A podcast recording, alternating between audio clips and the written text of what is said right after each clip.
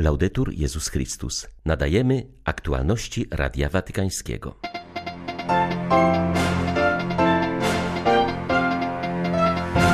Gruzja wielokrotnie potrafiła podnieść się z opresji i obcych dominacji, by na nowo rozbłysnąć światłem własnej kultury oraz wiary, przypomniał papież na audiencji dla profesorów z Uniwersytetu w Tbilisi.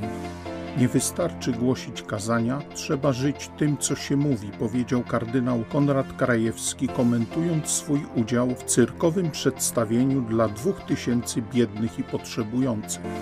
Ukraińcy dążą do odzyskania całego okupowanego terytorium, bo zależy im na losie żyjących tam ludzi, podkreśla arcybiskup Światosław Szewczuk. 13 lutego witają Państwa ksiądz Krzysztof Ołdakowski i ksiądz Tomasz Matyka. Zapraszamy na serwis informacyjny. Trzeba pomóc młodym pokoleniom tak dojrzewać, by odkrywały i doceniały swe własne korzenie, zarówno te kulturowe, społeczne, jak i religijne.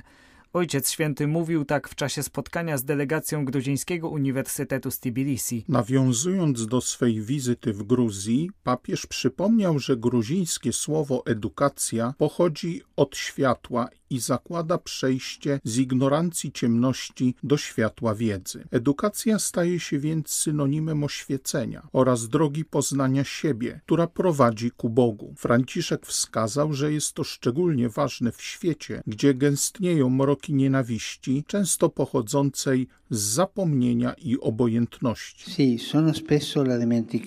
E często to właśnie zapomnienie oraz obojętność sprawiają, że wszystko wydaje się ciemne i niewyraźne, Natomiast kultura i edukacja przywracają pamięć o przeszłości, a także rzucają światło na teraźniejszość.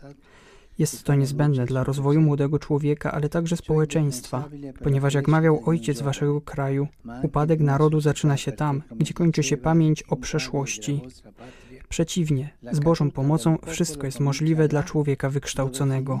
Kultura gruzińska zaprasza nas do tego, by lampa edukacji pozostawała wciąż zapalona, a okno wiary otwarte. Nie przypadkiem w języku gruzińskim korzeń słowa światło pojawia się zarówno w słowie edukacja, jak i w słowie chrzest, odnosząc się do kultury i wiary. Imparentando cultura e fede. Franciszek przypomniał, że historia Gruzji opowiada o wielu przejściach od mroku do światła, ponieważ w ciągu wieków kraj ten wielokrotnie potrafił się podnieść z opresji i obcych dominacji, by na nowo rozbłysnąć światłem własnej kultury oraz wiary.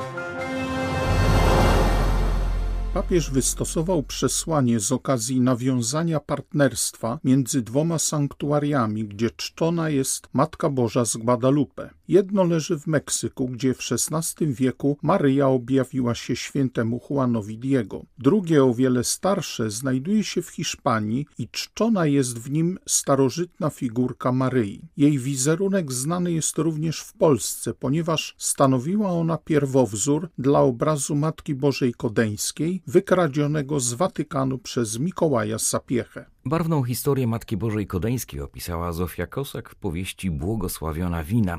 Równie ciekawa jest też historia pierwowzoru tego obrazu, czyli małej figurki czczonej w hiszpańskim Guadalupe. Pochodzi ona z Konstantynopola. Do Rzymu miał ją przywieźć Grzegorz Wielki, który podarował ją następnie arcybiskupowi Sewilli, lecz wcześniej polecił uwiecznić ją na obrazie, który dziś w oryginale bądź w kopii znajduje się w Kodniu. Figurka była czczona w Hiszpanii do czasów muzułmańskiej inwazji w VIII wieku, kiedy z obawy przed profanacją schowano ją nad rzeką Guadalupe. Odkryto ją ponownie w XIII wieku, a jej sanktuarium stało się jednym z głównych ośrodków kultu maryjnego w Hiszpanii. Historycy nie są zgodni, czy nazwa, którą nadano meksykańskiemu Guadalupe, nawiązuje do sanktuarium hiszpańskiego, czy też ma rodzimą aztecką etymologię. Franciszek w swoim przesłaniu przyznaje więc, że różne mogą być znaczenia słowa Guadalupe i widzi w tym zrządzenie Ducha Świętego. Podsumowując rozważania nad pochodzeniem słowa Guadalupe, Franciszek zauważa, że niepokalana jest prawdziwą matką dla wszystkich, którzy gromadzą się w jej sanktuariach. Niech z ich serc wypływa ku niebu woda żywa, by czcili Boga w duchu i prawdzie, pisze na zakończenie papież. Siłą stowarzyszeń jest właśnie to umiejętność udzielenia głosu wielu, którzy sami z siebie nie potrafili stać się słyszalni i w taki sposób ujawnianie potrzeby. Takie przesłanie przekazał Ojciec Święty przedstawicielom UNIAMO, włoskiej Federacji Rzadkie Choroby. Franciszek podkreślił wartość bycia przestrzenią do dzielenia się dla ludzi znoszących ciężar cierpień swoich lub swoich bliskich.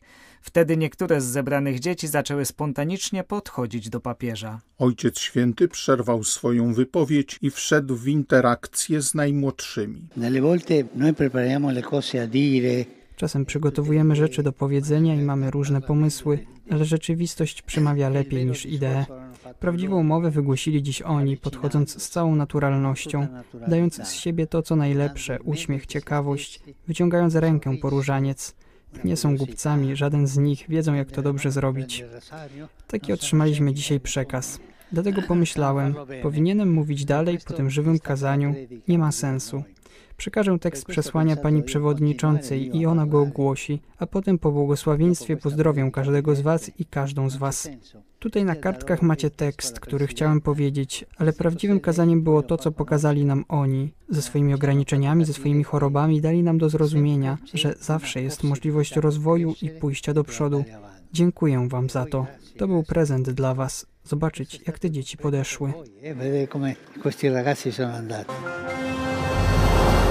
W sobotę ponad 2000 osób, często niewidzących wyjścia ze swojej sytuacji, a wśród nich byli między innymi uchodźcy, bezdomni, uzależnieni od alkoholu i narkotyków, prostytutki czy transwestyci, wzięło udział w spektaklu cyrkowym, na który zostali zaproszeni przez papieża Franciszka. Jak podkreśla, cytując Ojca Świętego jałmużnik papieski, kardynał Konrad Krajewski, przez kilka godzin cyrk przywracał tym ludziom nadzieję, a piękno przedstawienia pozwoliło im dostrzec, że niemożliwe staje się możliwym. Prefekt dykasterii do spraw posługi miłosierdzia wziął udział w przejściu słonia nad leżącymi osobami. Ten gest trzeba odczytywać w kontekście całego spektaklu, który rozpoczął się od modlitwy wraz ze wszystkimi artystami cyrkowymi, mówi kardynał Konrad Krajewski. W pewnym momencie, kiedy pojawiła się ta scena z przejściem słonia nad osobami leżącymi, Osoba, która prowadziła cały spektakl, zaczęła mówić, no tu powinien się pojawić kardynał Krajewski. No i oczywiście wszyscy Don Corrado, Don Corrado.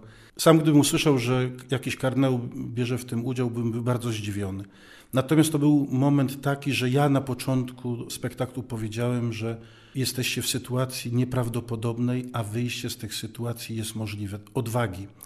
Nie mogłem nie pójść tam, bo wtedy co innego słowa, a co innego życie. Ja nie chcę żyć jak ryba dwudyszna, która nie jest zjednoczona, że tak powiem. Wyszedłem więc i wziąłem udział w tym spektaklu ze względu na te dwa tysiące ludzi.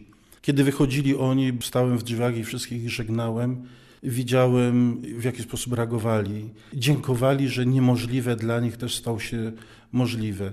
Jestem biskupem y, ulicy. Ja jestem jednym z nich. Papież powiedział: sprzedaj biurko, wyjdź na ulicę, bądź z nimi. Więc y, muszę też mówić ich językiem. A to jest ich język. Y, nie wystarczy głosić kazania, trzeba żyć tym, co się mówi. Synod jest bardzo potrzebny w naszych czasach. Jednocześnie podczas obrad zwrócono uwagę na potrzebę doprecyzowania pojęć, którymi posługujemy się podczas procesu synodalnego, powiedział arcybiskup Stanisław Gondecki, przewodniczący Episkopatu Polski, podsumowując drugą część Europejskiego Zgromadzenia Synodalnego, które miało miejsce w Pradze w dniach od 10 do 12 lutego. Nie ma wątpliwości, że synod jest bardzo potrzebny w naszych czasach, powiedział Radiu Watykańskiemu arcybiskup Gondecki. Nie ma wątpliwości, że spotkanie synodalne, kontynentalne, europejskie było wydarzeniem historycznym i to do tej pory niespotykanym. Kościół na wszystkich kontynentach został zaproszony do wspólnego wsłuchiwania się w głos Ducha Świętego. Jednocześnie pojawiły się głosy, które domagają się ustosunkowania się Kościoła. Po raz pierwszy bodajże pojawiła się mowa o inkluzji, czyli włączeniu osób homoseksualnych, LGBT,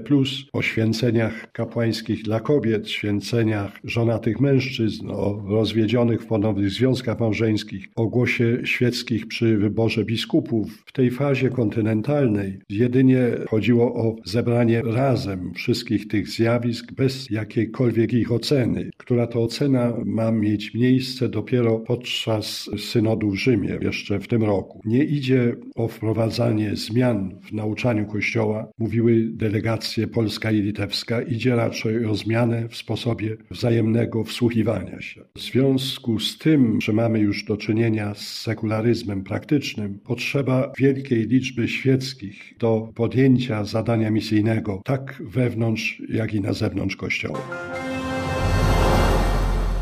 Trwają zacięte walki na Ukrainie. Rosjanie nie ustają w atakowaniu również ludności cywilnej. Co więcej, intensywność podobnych ostrzałów w przyfrontowych regionach na południu i na wschodzie kraju wzrasta.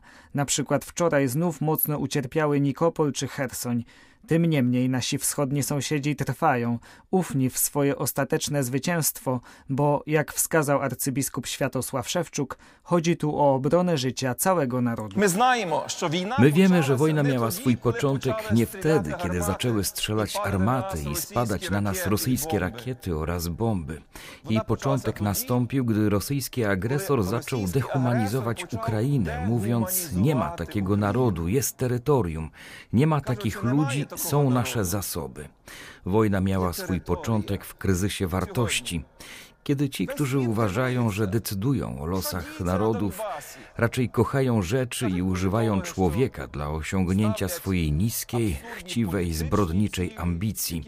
I to właśnie dziś widzimy. Cały świat dziwi się, do czego dochodzi na Donbasie. Politologowie mówią, iż okupanci stawiają sobie absurdalne cele polityczne i usiłują je osiągnąć przy pomocy siły wojskowej, ale to tak naprawdę sprzeciw wobec istnienia każdego z nas.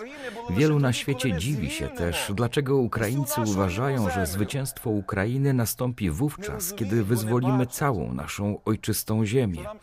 Nie rozumieją, bo nie dostrzegają, iż nie chodzi nam tyle o jakieś zasoby, które i tak nam już zniszczono czy wyeksploatowano, ale o żyjących tam ludzi, ludzi, synów oraz córki Ukrainy w dzień i w nocy błagających u Boga o ratunek. Czyż serce ojca może pozostać spokojne, gdy synowie oraz córki są w obcej ziemi w niewoli? Na czużyni u rabstwie.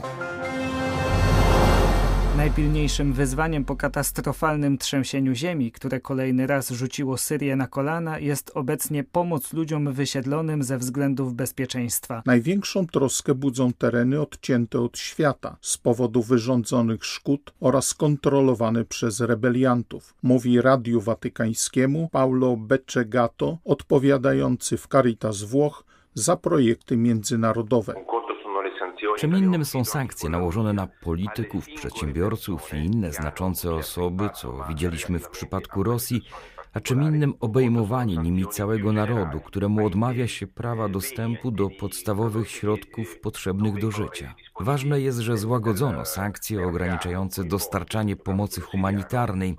Ostateczny bilans tej tragedii wciąż nie jest znany.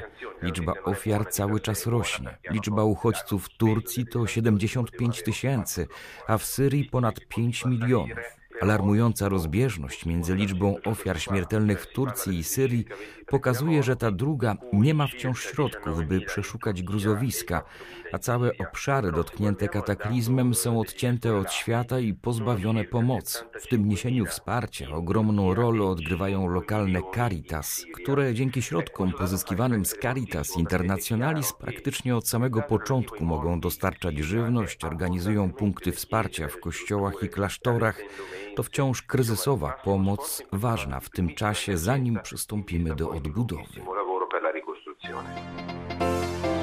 Były to aktualności Radia Watykańskiego.